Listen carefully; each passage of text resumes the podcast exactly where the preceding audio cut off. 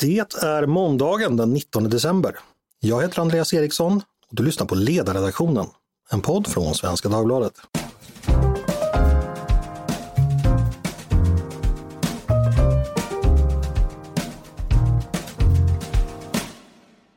Varmt välkomna!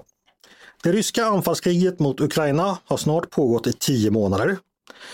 Men det känns som alldeles nyss som vi vaknade upp den här morgonen och hörde att det vi längsta hoppades på inte skulle ske hade skett.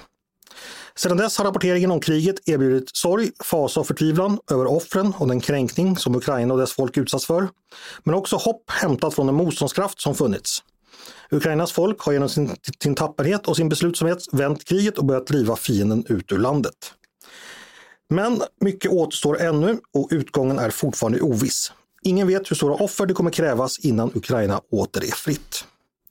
En som noga följt kriget under dessa tio månader är Nils Bildt.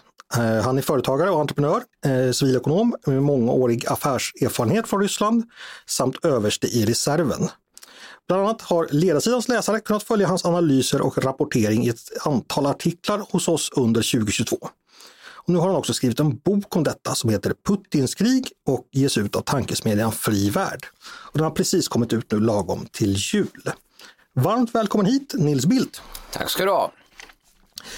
Eh, jag tänkte vi, jag ska bara, bara kort fråga, den här boken, bakgrunden till den, hur, hur kommer det sig att du har bestämt dig att samla dina tankar och analyser till en bok? Ja, det ska jag tacka er för. Eh, den första ledaren och de efterföljande blev ju väldigt uppmärksammade därför de var så, hade en sån ton och en sån saklighet och att de rönte stor, mycket stor uppmärksamhet enligt er själva. Mm. I slutet på sommaren så var det ett antal renommerade personer som ville att jag skulle hålla, föredrag. Och då tog jag och läste mina ledare och sa man kan ju inte läsa liksom upp ledarna och då lyfte jag upp det hela och då såg jag så att säga eh, vändpunkten, den tidiga vändpunkten. Jag såg faserna. Jag såg varför ukrainarna var bättre. Eh, jag gjorde ett antal utfästelser om så säga, den närmaste framtiden och, och skisserade ett antal scenarier framöver. Sen, det läs, sen lästes den av ett antal väldigt kvalificerade bedömare och då beslöt jag att gå vidare och då frågade jag broder Karl om han vill skriva en inledning, vilket han har gjort. Mm. Och sen kommer den operationsanalytiska delen som jag står för och så kommer Gunnar Hökmark som bland annat leder måndagsrörelsen med en avslutande kläm och den förläggs nu och säljs via Fri Värld. Just det. Men om vi ska ta och eh, jag tänkte vi ska börja gå igenom det som har skett någorlunda kronologiskt. För eh, jag tror att alla som lyssnar kommer ihåg mycket men kanske inte allt av det som, det som skedde. Kriget bröt ut den 24 eh, februari. Eh, kan du berätta den ryska planen för kriget, vad, så här tio månader efteråt, vad vet vi om den? Vad förväntade sig eh, den ryska krigsmakten skulle ske när de väl anföll? Vi vet den, därför de, har glömt, de glömde exemplar av den när de var i Kiev. Och eh, den byggde på att eh, de skulle bli välkomnade. De hade med sig paraduniformer för segervarianten. Eh, den byggde på att ukrainarna skulle ge upp. Den byggde på att EU skulle vara försvagat och inte agera och att NATO inte skulle agera och att de på tre till fem dagar med ett raskt anfall rakt mot Kiev med luftlandsättningen på Hosmopel skulle in och likvidera Zelensky, tillsätta en marionett och landet skulle falla samman i bitar och sen skulle det vara över. Det var planen. Mm. Men den innehöll inga omslagspunkter, vad händer om det inte lyckas eller någonting sånt där, utan den byggde enbart på denna föreställningen. Mm. Så blev det ju eh, tack och lov som bekant inte. Eh, och I boken förlägger du en vändpunkt väldigt tidigt i processen, att redan den 26 februari på krigets tredje dag så kan man då förstå att det här gick inte som det skulle. Vad är det som sker då? Vad är det första man ser när man, eh, vad är det första som gör att man upptäcker att det här kommer inte gå som ryssarna har tänkt sig? Eh, som svensk officer har man studerat eh, Sovjetunionen och den ryska krigsmakten väldigt väl. Och vi har haft en för hög uppfattning om deras förmåga och det visade sig redan den andra dagen då det ett av deras absoluta elitförband, den 76 luftlandsättningsdivisionen från Pskov, inte lyckades ta flygplatsen norr om Kiev som försvarades av ordinarie reguljära förband. Och det här skulle enligt all erfarenhet och praxis eh, inte lyckats för ukrainarna, men de gav ryssarna rejält på tafsen och då fick de inte iväg de här likvidationsgrupperna till att ta bort Zelenskyj. Och sen så trodde ju även amerikanerna och alla trodde ju att, att eh, det här klarar inte Ukraina av. Så Biden eller vem det nu var ringde ju till Zelenskyj och sa vi kan skjutsa ut dig. Då sa han I, don't want, I want ammunition, not the ride. Mm. Och det galvaniserade motståndet. För liksom stannar han och ger guts i folket så stannar folket och försvarar landet. Det var den andra viktiga skälet. Och det tredje var ju att USA då sa, ja men om du stannar och tror på det hela och har varit framgångsrik här i försvaret, då satsar vi på dig.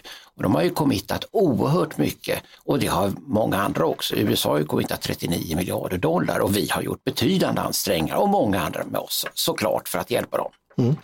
För det är ju någonting som man tidigt sa under kriget, vilken betydelse moralen har och motivationen hos eh, både civilbefolkningen och eh, de stridande förbanden. Och där har ju Ukraina överträffat allas förväntningar egentligen och eh, det kunde, ja, hur, hur, hur, tänkte du innan kring detta? Kom det som en överraskning för dig att den här moralen fanns eller är det någonting som, som brukar ske när ett land blir angripet? Vad vet vi om det? Ja, alltså, det sägs ju att moralen förhåller sig till massan som 10 till 1 och det har vi verkligen sett här. Mm. Eh, det var nog en överraskning att den skulle vara så stark, men eh, de försvarar ju sitt land, eh, sin familj. De eh, vill inte bli deporterade eller våldtagna eller Eh, de vill ha värme och frihet och sin vardag som har haft och såklart det är en otroligt mycket starkare drivkraft än att vara ditkommenderad till ett land som de inte känner till och ett krig som de inte har en aning om. Mm. Så det har vi, vi har inte värderat, vi har mer tittat på så att säga, antalet stridsvagnar och, inte betingelserna runt omkring och vilka som sitter i dem. Just det. When you're ready to pop the question, the last thing you want to do is second guess the ring. At Bluenile.com you can design a one-of-a-kind ring with the ease and convenience of shopping online. Choose your diamond and setting. When you find the one, you'll get it delivered right to your door. Go to Bluenile.com and use promo code LISTEN to get $50 off your purchase of $500 or more. That's code LISTEN at Bluenile.com for $50 off your purchase. Bluenile.com code LISTEN. Sen det som sker då eh, under våren det är ju då att det pratades mycket om eh, offensiven mot, mot Kiev då som, som eh, ja, den misslyckades markoffensiven helt enkelt också. Och då var det ju tal om att det var, det var långa kolonner av ryska fordon som så småningom stannade helt enkelt och logistiken bröt samman så småningom. Och Ukraina lyckades då eh, helt enkelt nedkämpa det här anfallet i norr. Eh, finns det något ytterligare att säga om det? Hur, vad var det som var nyckeln till Ukrainas framgångar där? Massor, det var ju tjällossning, de kunde köra, bara köra på vägarna och vägnätet är ganska glest i nord-sydlig riktning så de var tvungna att hålla sig på fem, sex vägar och de kunde inte breddgruppera i terrängen så att, att ukrainarna kunde ju, bland annat tack vare pansar pansarvärnsvapen stoppa täten och stoppa där bak och sen så klippte man till i mitten. Eh, det var väldigt stor betydelse för den inledande framgången. Sen var ju Ukra eh, förlåt, ryssarna utrustade eller organiserade i bataljonsstridsgrupper. De kan ha bara förmåga att slåss i 3 till 5 dagar utan underhåll och max framrycka 20 mil. Och, och sen är de behov, beroende av underhåll och det fanns på armékårsbasis, det vill säga långt bak i Ryssland. Så logistiken klappade ihop för dem efter de här fem dagarna och de blev ju då stående och därmed mycket tacksamma mål för ukrainska motanfall från vägarna och in i byarna. Och byarna är oftast avlånga så man kunde göra stridsvagnsfällor in i byarna. Det var en katastrof för ryssarna och en otrolig framgång för ukrainarna. Mm. Visste vi det inom så att säga, krigskunskapen att eh, den här typen av mekaniserade anfall kunde brytas med hjälp av pansarvärn och lätt infanteri och den typen av vapen som de bär? Oh ja, det är precis som finnarna gjorde i finska vinterkriget och det är precis som vi förberedde försvaret i övre Norrland. Så det är mycket väl, jo det är en framgångsrik strategi och taktik. Mm. Sen eh, när vi har sett amerikanska krig de senaste decennierna så vet vi ju att eh, luftdomänen har varit väldigt viktig och USA har ju alltid lyckats erövra eh, herravälde där. Det har ju inte lyckats för någon deras sida i Ukraina vad vi vet utan alla som flyger gör det på, på egen risk, jag på säga, men det, det, är farligt för alla flygplan helt enkelt. Vad betyder det att Ryssland aldrig erövrade eh, luftherravälde? Var det någonting man hade räknat med tror du eller vad, vad tänker du om det? Jag tror för det första de räknade med att det skulle vara över innan ens man behövde etablera luftherravälde. Det här skulle vara snabbt, pang och så var det klart. Nu blev det inte så och flyget var inte särskilt engagerat i själva förberedelserna heller utan kom in så att säga fem över tolv. Eh, det, det anmärkningsvärda är ju att såväl ryssarna som ukrainarna har exakt samma flygplan. Flygprestanda, bomber, allting sånt där. Men ukrainarna är ju mycket bättre tack vare att de har luftvärn på marken och de har bättre stridsledning och bättre underrättelseläge. Så Ryssarna lyckades inte etablera luftherravälde och det finns aspekter på den här krigföringen av teknisk karaktär som, säkert, som är mycket hemliga som vi inte förstår. Men de ryska flygplanen har ju åkt omkring med liksom eh, amatörmässiga GPSer. Mest sannolikt på att deras egna inte kunnat ge värden. Måldatan har inte, radarn har inte fungerat och jag tror att det finns en västlig teknologiövertag som ukrainarna har fått del av som har gjort att de ryska piloterna är ju så rädda att de flyger inte över Ukrains territorium utan över eget territorium så fäller de sina robotar och så vänder de hem. Eh, och utan luftherravälde när kriget som har utvecklats på det här sättet så har ryssarna inga förutsättningar för att vinna utan det är ukrainarna som dominerar utrymmet över sin eget territorium med undantag för robotarna än så länge. Mm. Eh, samtidigt så sker ju också krigshandlingar i, i öster där ryssarna utgår från sina positioner då som man redan hade en bit in i Ukraina. Eh, vad finns det att säga om den delen av kriget? För här går ju ryssarna också fram en del i början. Eh, vad sker på den fronten? Nu?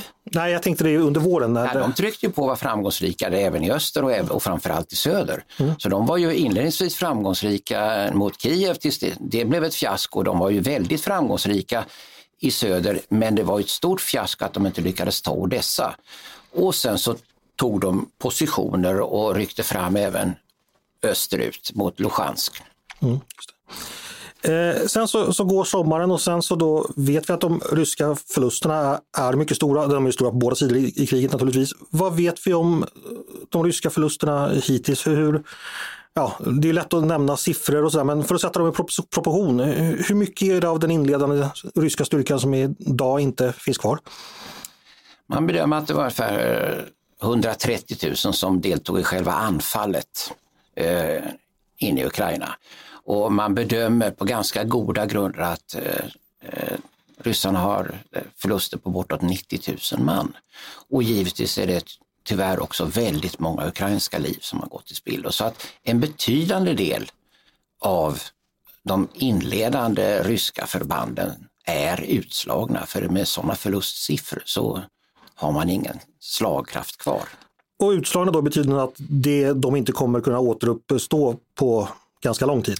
Ja, nu fyller man alltså utslagna innebär att om det står en, en pluton med 20 så är det kanske på morgonen bara 5, 6, 7, 8 som står där och det, det, går inte. Utan du måste fylla på med nya. Och nu har man mobiliserat och då fyller man på med de tomrummen och sen har man ju dessutom säkrat upp efter eh, fiaskot i Cherson när man fick liksom dra sig tillbaka så fick man göra en mer lättförsvarad linje vid Dnepr och många av de förbanden har dragits ur och bildar nu en strategisk reserv och så tillför man ett antal nymobiliserade. Så just nu så skapar man en strategisk reserv för att kunna genomföra någon typ av motoffensiv någonstans, antingen i Donbass eller eh, med eller utan Belarus stöd eh, norrifrån ner mot Kiev under vintern. Eh, vi ska återkomma till, till de här framtidsprognoserna. Jag ska bara ja. hålla mig lite kvar till Gärna. det som har skett här. Vi talar då alltså om 90 000 när det gäller då manskap av de stridsvagnar och artilleripjäser och alla andra maskineri man behöver för att bedriva krig, hur mycket har ryssarna förlorat där och i vilken mån kan man ersätta det? Ja, som stridsvagnssoldat brukar jag ha koll på stridsvagnarna och det är ungefär 2900 och det är, det är den största andelen av de moderna stridsvagnarna de har. Nu uppträder de med stridsvagnar från gamla lager från 60 och 70-talet. Och hur många sådana man har, vet, de har ju haft 20-30 000. Hur många de kan få ordning på dem, det vet jag inte. Men huvuddelen av den, den avancerade moderna militära vapnen är så gott som förbrukade idag. Mm. Vet vi någonting om Rysslands förmåga att ersätta det här med, med, med, med nya apparater helt enkelt? Eh, rysk avancerad industri är helt beroende av komponenter från väst. Man har till exempel inga kanonsvarvar för, något, för, för, för tyngre kanoner utan det är västtyska som man har som är beroende av underhåll och sådär. Och, och de flesta raketer och avancerade material eller attackhelikopter eller flygplan, de bygger på komponenter från väst. Och med de sanktioner som nu finns så begränsas ju möjligheterna till att för reservdelar och till att bygga nya. Och sen finns det ju givetvis smugglarländer som Iran och det finns ett antal andra som jag inte behöver nämna som försöker förse dem med dem och, man jobbar ju strategiskt med det. Men, men jag tror att långsiktigt så stryps möjligheterna ganska ordentligt för dem att tillverka kvalificerade material för de har väldigt svårt att få tillräckligt långa så produktionsbatchar av integrerade kretsar som är identiskt likadana och då, då fungerar inte underhåll och, och systemen som, som avsett i en industriell stordrift. Eh, sen efter sommaren så eh, överraskade ju då världen, eller Ukraina världen med att, eh, eller överraskade i alla fall mig med att gå till offensiv, mycket framgångsrikt och man tog tillbaks väldigt mycket mm. territorium. Eh, och det var väl runt eh, Charkiv ifall jag minns rätt. Ja. Eh, vad var det som hände där och vad var nyckeln till att Ukraina lyckades ta tillbaka så mycket territorium då? För det första kan jag backa, jag trodde ju när de satte igång med den här första offensiven i Donbass i början på april så sa jag ja det här kommer de hålla på med till mitten på maj och egentligen vill ju Putin skulle vara till 9 maj. Mm. Därför du orkar inte planera en offensiv logistiskt underhåll och allting sånt där mer än 45 dagar eller 50 mil framåt. Men det gick ju liksom hela maj, det gick hela juni, det gick hela juli. Mm. Och det gick ju hela augusti. Jag tänkte, vad, vad är feltänket? Men sen klappade de ju igenom. De var ju helt slut i augusti. Och det sammanföll då bland annat med det här tillförseln av amerikanskt artilleri och sånt där. Sen finns det en mycket intressant aspekt. Det kallas på militärtekniskt språk att operera på de inre linjerna. Alltså fronten ser ut som en halvmåne och diameter från norr till söder ungefär 50 mil. Men för de som ska vara på ytterkanten och åka runt omkring från norrdelen till söderdelen så blir det kanske 80 eller 120 mil beroende på vägnätet. Och, Ukraina sa ju mycket listigt så att nu ska vi anfalla i söder mot Cherson, nu ska vi tillbaka, ta tillbaka Cherson. Och då omgrupperade givetvis ryssarna till Cherson. Och det var ju förbanden som stod uppe i Charkov i norr. Och sen eh, vips så vände ju ukrainarna och gick norrut och anföll och hade enorma framgångar. Först i Charkov och sen så i Lyman. Eh, och tog betydande, alltså den största leverantören av, av, av utländskt material till eh, Ukraina avseende stridsvagnar och kanoner, det är faktiskt Ryssland själva i form av det som de ukrainarna har tagit. Mm, ja, just det. Ja, vi kanske kan prata lite om det. Det västerländska stödet i form av uh, olika saker. Uh, kan du bara översiktligt, vad, är det som Ukraina har behövt mest och vad är det de har fått från väst? Och är det någonting man inte har fått som man behöver? Ja. Det har ju talats mycket om det här långskjutande artilleriet och det är ju fantastiskt. Mm. Alltså på nio, kilometer, nio mil kunna sätta två gånger två meter och man har ju gått på ledningsplatser, man har gått på ammunitionsförråd, man har gått på eh, oljeförråd, man har gått på eh, viktiga vägar och trasat sönder det, eh, de ryska förbanden. Men vi ska inte bortse från det insats som Sverige gjorde med granatgevär och, och pansarvärnsrobotar i början. Sverige skickade ju 15 000 sådana på mycket kort tid. Jag visste inte vi hade så många. Och de har en utbildningstid på 30 sekunder och de träffar. Och sen fanns det, gav engelsmännen motsvarande, så var det 35 000 sådana som skeppades. Och jag tror ungefär 10 000 ryska fordon åtminstone strök med. Så det har varit väldigt väsentligt. Nu kommer vi till en sak och där är jag lite, lite upphetsad. För här sitter vi nu i Sverige i vår stugvärme och gör prioriteringar över vad de behöver. Och då säger vi nu när vi ser att det är lite kallt och är kallt och förfärligt på grund av de här luftbombningarna. Nu, nu prioriterar vi luftvärnssystem. Men det är ju ett byråkratiskt tankesätt. Det är inte fråga om prioritera. De behöver luftvärnssystem, de behöver artillerisystem, de behöver mycket mer. De behöver mycket, mycket mer för att de försvarar ju det som vi har och tar för givet här. För närvarande försvaras ju Sverige bäst, bäst vid Dnepr. Så jag förstår mig inte på varför inte vi skickar mer och till exempel av våra avancerade artillerisystem som har diskuterats mycket, som kallas Archer. Mm. Precis, eh, och vi är tydliga där, det, det skulle komma till verklig nytta i Ukraina på, eh, om de fick, fick tillgång till svenska artillerisystemet Archer. Ja, och backar vi bandet om vi hade lyssnat fullständigt på vad de sa i somras och gett dem det som de då begärde så hade de nu varit kapabla att, så att säga, ha en ytterligare en motoffensiv rakt i söder och går ner mot den Azovska sjön och i stort sett splittra den ryska armén i två. Och det hade nästan varit en de facto kollaps av den ryska armén. Så att vi har varit militära misstag stavas oftast för sent och för lite och vi bör, bör för vår, deras och vår skull satsa mycket mer och mycket fort. Mm. Samtidigt som vi behöver förbereda oss för att det kan bli värre innan det blir bättre. Just det. Eh, ytterligare en fråga jag tänker eh, kring det här. Den här mobiliseringen som då Ryssland drog igång under hösten för att fylla på eh, luckorna i, i leden. Vad vet vi om den? Hur, hur väl har den lyckats och vad är det för typ av manskap man har fått in då? Man har ju medvetet valt att inte Eh, kalla in ungdomar eller vuxna från politiskt viktiga områden som där, mot, där eh, misstron mot kriget skulle kunna växa, nämligen Sankt Petersburg och Moskva. Så man har ju huvudsakligen överproportionellt tagit in folk från mer asiatiska republiker och långt bort. Eh, där utbildningsnivån och kulturnivån är avsevärt lägre men där de politiska effekterna av ett eventuellt missnöje mot att bli inkallad är lägre. Eh, det saknas ju oerhört mycket material men vi kan nu efter några månader konstatera att nej, men nu pågår i alla fall viss utbildning, man fyller på i gamla förband, man bygger upp nya förband, man har eh, lyckats sätta upp bevakningsförband för att täta de hål i fronten man hade längs den här lång, långa fronten. Så långsamt och metodiskt så bygger man upp eh, kapaciteten. De har ju sagt att ungefär 150 000 man har man nu så att säga som, som i mer eller mindre är engagerade av de här 300 000. Har man tillräckligt med be, befäl för utbildning? Nej, det har man inte. Det, det här kriget har ju, eh, det har ju varit otrolig åtgång på ryska officerare som har på grund av bristande kommunikation fått bege sig fram till fronten för att göra det som de lägre befälen sa var omöjligt att göra. Och effekten av det har blivit att de ryska högre befälen har strukit med också. Så man har, man har brist på duktigt befäl och instruktörer. Mm. Jag ska ta och titta lite framåt.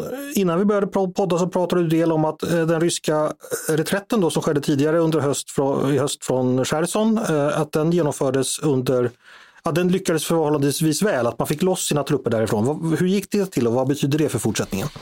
Ja, de satt ju i ett absolut hopplöst läge. De satt ju på den ena flodstranden och det var väl ungefär 15 mil gånger 8 mil stort område runt staden Cherson.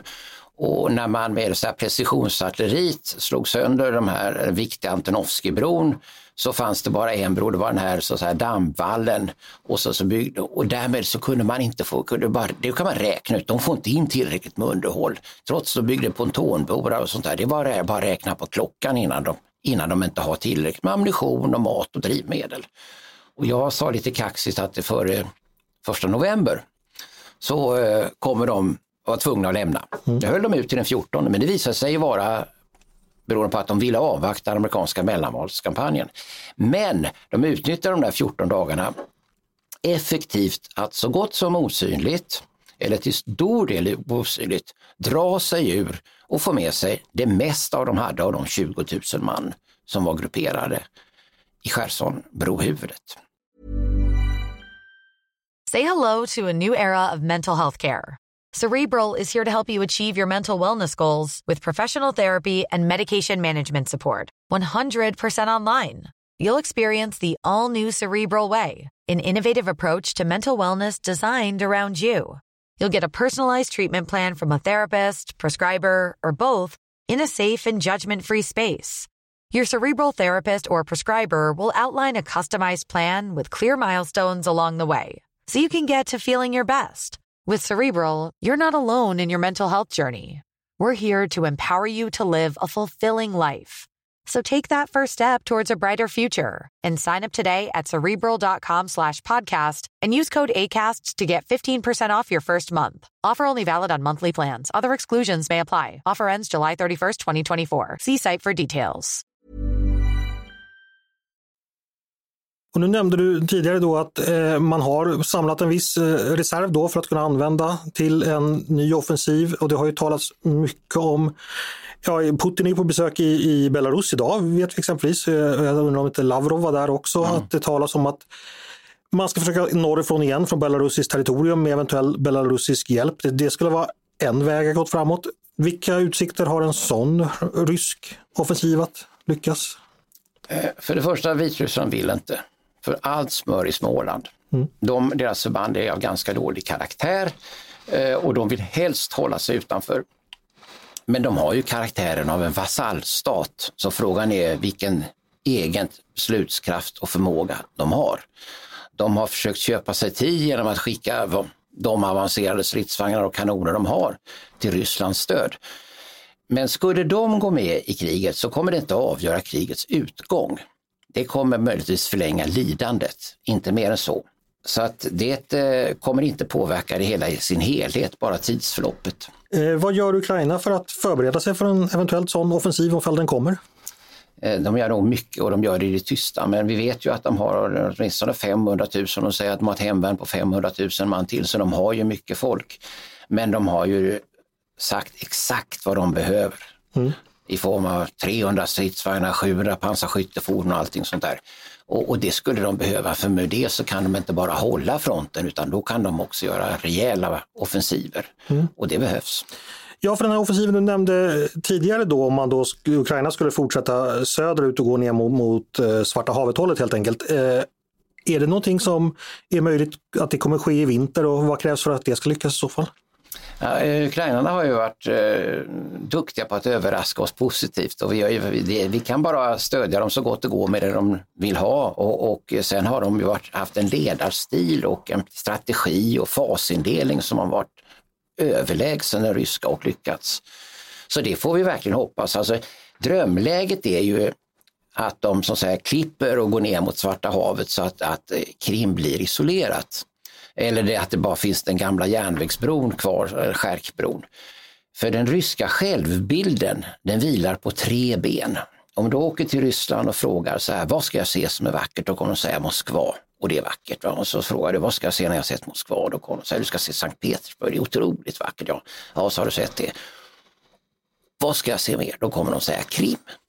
Så den ryska självbilden vilar på de här tre fundamenten eller benen. Och när någon av dem är hotad, då är Ryssland och därmed Putins ställning allvarligt hotad. Därför är det viktigt att hota Krim. Eh, en fråga lite vid sidan om, men som jag ändå är nyfiken på. Eh, du som, som eh, ja, svensk officer, eh, vad kan Sverige och svenska försvarsmakten lära sig av det som har skett i Rysslands krig mot Ukraina? Eller av Ukrainas försvar närmare bestämt? Massor. Allting måste ske mycket fortare avseende utveckling och implementering. Här har du ju omloppstider från idé till ett färdigt vapen på sex månader. Därför de är tvungna och inte planeringscykler på kanske 10-15 år. Eh, sen taktiska varianter, drönarkriget har varit helt avgörande, den tredje dimensionen, det vill säga luftvarianten och luftherraväldet. Eh, och sen så ledarstilen. Och där ligger vi ganska väl framme. Vi har ju en mycket delegerad ledningsstil med att uppmuntra initiativtagaren och så, och, och så kallad målstyrning eller uppdragstaktik. Och den har är, ukrainarna också. Den ska vi ta väl vara på. Den har ju utvecklats väl. Så det finns både positiva erfarenheter och många lärdomar att dra för att bli bättre. Och vi behöver bli bättre för som sagt, vi måste förbereda oss för att det kan bli värre innan det blir bättre. Och vad skulle det där som skulle kunna bli värre, vad skulle det kunna vara? Nämligen att kriget eskalerar. Mm. Såklart att, det är, att än mer människor, varje, varje, varje dödsfall är, är, är värre, men att kriget eskalerar utanför. Och, och, och, flera länder dras in och det finns ju inte uteslutare kärnvapenscenariot som är tankar om det otänkbara. Så att det finns även om sannolikheten är, eller risken, förlåt, är, är, är, inte är stor så är ju risken multiplicerat med konsekvenserna förfärliga. Just nu pågår ju som vi vet ryska terrorangrepp mot civila mål i Ukraina. Bland annat slår man mot eh, elnät och andra civila försörjningssystem. Eh, jag antar att det är till för att knäcka den motståndsviljan. Hur framgångsrik tror du den krigsföringen är? Eh, under andra världskriget när amerikanarna och engelsmännen får man nog säga terrorbombade tyska städer och ödelade dem så visade det sig ju så att, som så att det, det, det minskade inte motståndskraften. Det var först när man började inrikta sig på de kritiska punkterna i det tyska försörjningssystemet som bränslesystem som, som man fick en effekt. Så jag tror det här, inte det här minskar Ukrainas motstånds kraft i befolkningen. Tvärtom tror jag man bara blir mer och mer beslutsam. Men om man lyckas knäcka så att säga, försörjningsförmågan, då är det allvarligt. Men hittills är det ju imponerande vilken eh, snabb återtagningsförmåga som Ukraina haft. Dels att förbättra luftförsvaret med väststöd, man skjuter ju nästan ner fyra av fem som, robotar som kommer. Och dels att få upp systemet igen. Alltså det, vi har ju mest sett, hittills mest sett värmeavbrott och vattenavbrott på två, tre dagar innan man har fått upp det. Men så, ja. Du skriver i boken så här, jag ska citera dig. Eh, Putin kan inte vinna kriget, han kan bara förlora. Eh, det tycker jag låter ändå hoppingivande. Eh, hur har du dragit den slutsatsen? Ja, men det är på de ekonomiska grunderna. Det är baserat på två förutsättningar. Alltså den västerländska ekonomin med en, är liksom 20 gånger större än ryska. Om du tittar bakåt på första världskriget så när USA gick in 1917 så tog det ett år, pang så var det över. Va? När USA gick in 42 så tog det tre år men då skulle man både hjälpa till att besegra Nazityskland och sen Japan. Eh, I, i världen och än mer idag i en mer högteknologisk värld så är det när USA bestämmer sig och så länge de bestämmer sig så blir det så samtidigt som det hela tiden bygger på att ukrainarna håller motståndskraften uppe. Och, och med, den, med, de, med de två förutsättningarna så har Ryssland ingen chans. Och det tror jag Putin visste.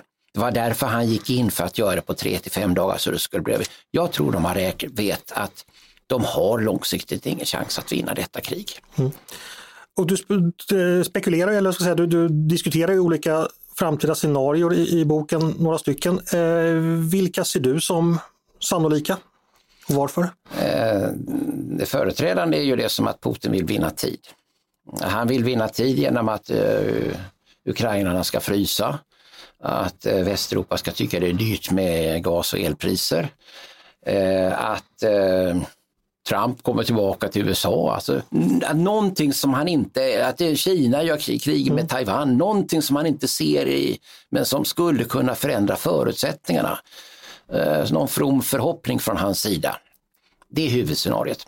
Ett annat scenario som inte ska uteslutas det är ett motsvarande scenario från första världskriget. Alltså då Eh, ryssarna tål hur mycket så att säga, hardship eller lidande som helst när det för, gäller att försvara moderlandet. Och det var ju 20 miljoner som dog under andra världskriget när de försvarade Moskva och moderlandet. Men detta är inte moderlandet och det var det inte heller första världskriget. Då var man i Polen och då var det vinter, det var ingen mat och man förstod inte varför man var där.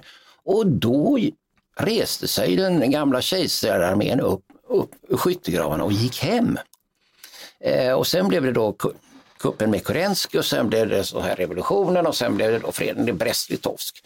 Så ett sådant scenario finns och vi har ju, alltså underrättelsemässigt så, så, så, ser man ju och hör allt och det finns sådana tendenser inom den ryska armén att man inom, bland soldaterna de talar hem att de, de vill liksom resa sig upp och gå hem. Mm. Sen är den ryske befälhavaren, han har ju polistrupper så antingen är ju läget så förfärligt för de ryska förbanden, antingen blir de skjutna framifrån av ukrainarna, för det dör ju ungefär 500 ryssar om dagen, eller också blir de skjutna av polistrupperna om de skulle så att säga retirera eller och, och dra sig ur. Det är en förfärlig situation för alla parter, även för ryssarna. Mm. Jag tänkte det när du nämner första världskriget, du skriver också på något ställe i boken att eh, i, ja, relativt sett så har det ju faktiskt hunnit stupa fler nu för Ryssland vad jag förstod än vad det som gjorde för Tsarryssland under, under första världskriget. Det kan mycket väl vara så ja. ja det, var någonting du, att, att det har varit... Men vi vet att det stupade 10 000 i Afghanistankriget ja. och nu är vi uppe i 90 000. Va? Och, och, och, då, det fällde ju Sovjetunionen. Det var ju en av sakerna som gjorde att, att eh, Sovjetunionen mm. föll samman. Så att... Ja, man, man tänker då att varje stupad soldat har ju en familj hemma och skolkamrater hemma och varje berättelse kommer ju hem förr eller senare så att säga om en stupad person och det tänker man ju också kommer att påverka hemmafronten eh, förr eller senare. Men Putin har ju strypt upp informationen. Alltså eh, alla medierna, det är ju, det är ju förräderi att säga någonting. Och han låser ju in folk och den här eh, sociala medietjänsten tele, Telegram är ju kraftigt övervakad. Så att eh, han har tänkt på det också den skurken. Mm. Men sagt, just nu vill han vinna tid. Han väntar sig att någonting oväntat ska hända som kommer tala för honom för att allting talar emot honom just nu. Kan man sammanfatta läget som så ungefär? Ja, men man ska ändå inte underskatta det hela och man ska inte ta det för givet. Men det får inte bli att vi liksom litar på att det sker utan vi måste verkligen stödja dem än mer med allt det de behöver. Då kommer vi och västvärlden att vinna och då kommer vi ha tillbaka vår vardag och vår värme för Ukraina och mm. den frid och frihet och demokrati vi vill ha.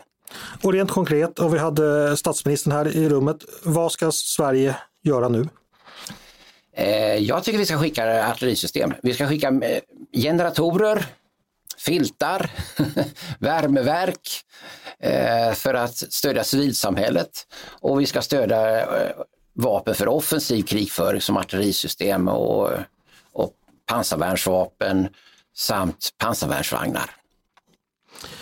Just det. Eh, och om allt detta och mycket mer skriver du alltså i din bok som heter Putins krig som precis har kommit ut och säljs i julhandeln. Så det kan vi väl rekommendera som en lämplig julklapp. Ja, och viktigt är att säga alltså att förutom tryckkostnaderna så eh, gör vi allting pro bono, så varenda öre förutom tryckkostnaderna går till Ukrainas sak. Mm, ja, får vara ytterligare en anledning till att införskaffa boken. Stort tack eh, Nils Bildt eh, för att du ville komma hit och prata med mig idag. Tack själv. Nils Bildt alltså, eh, som precis har eh, kommit ut med boken Putins krig som ges ut av eh, tankesmedjan Fri Värld. Den kan man köpa där böcker kan köpas. Stort tack till er som har lyssnat också på Ledarredaktionen, en podd från Svenska Dagbladet. Ni är varmt välkomna att höra av er till redaktionen med tankar och synpunkter på det vi precis har diskuterat. Eller om ni har idéer och förslag på det vi ska ta upp i framtiden. Då är det bara att mejla till ledarsidan snabla svd.se. Och har ni någon specifik fråga till Nils så kan vi säkert vidarebefordra det till honom också. Dagens producent, han heter Jesper Sandström. Jag heter Andreas Eriksson och jag hoppas att vi hörs igen snart.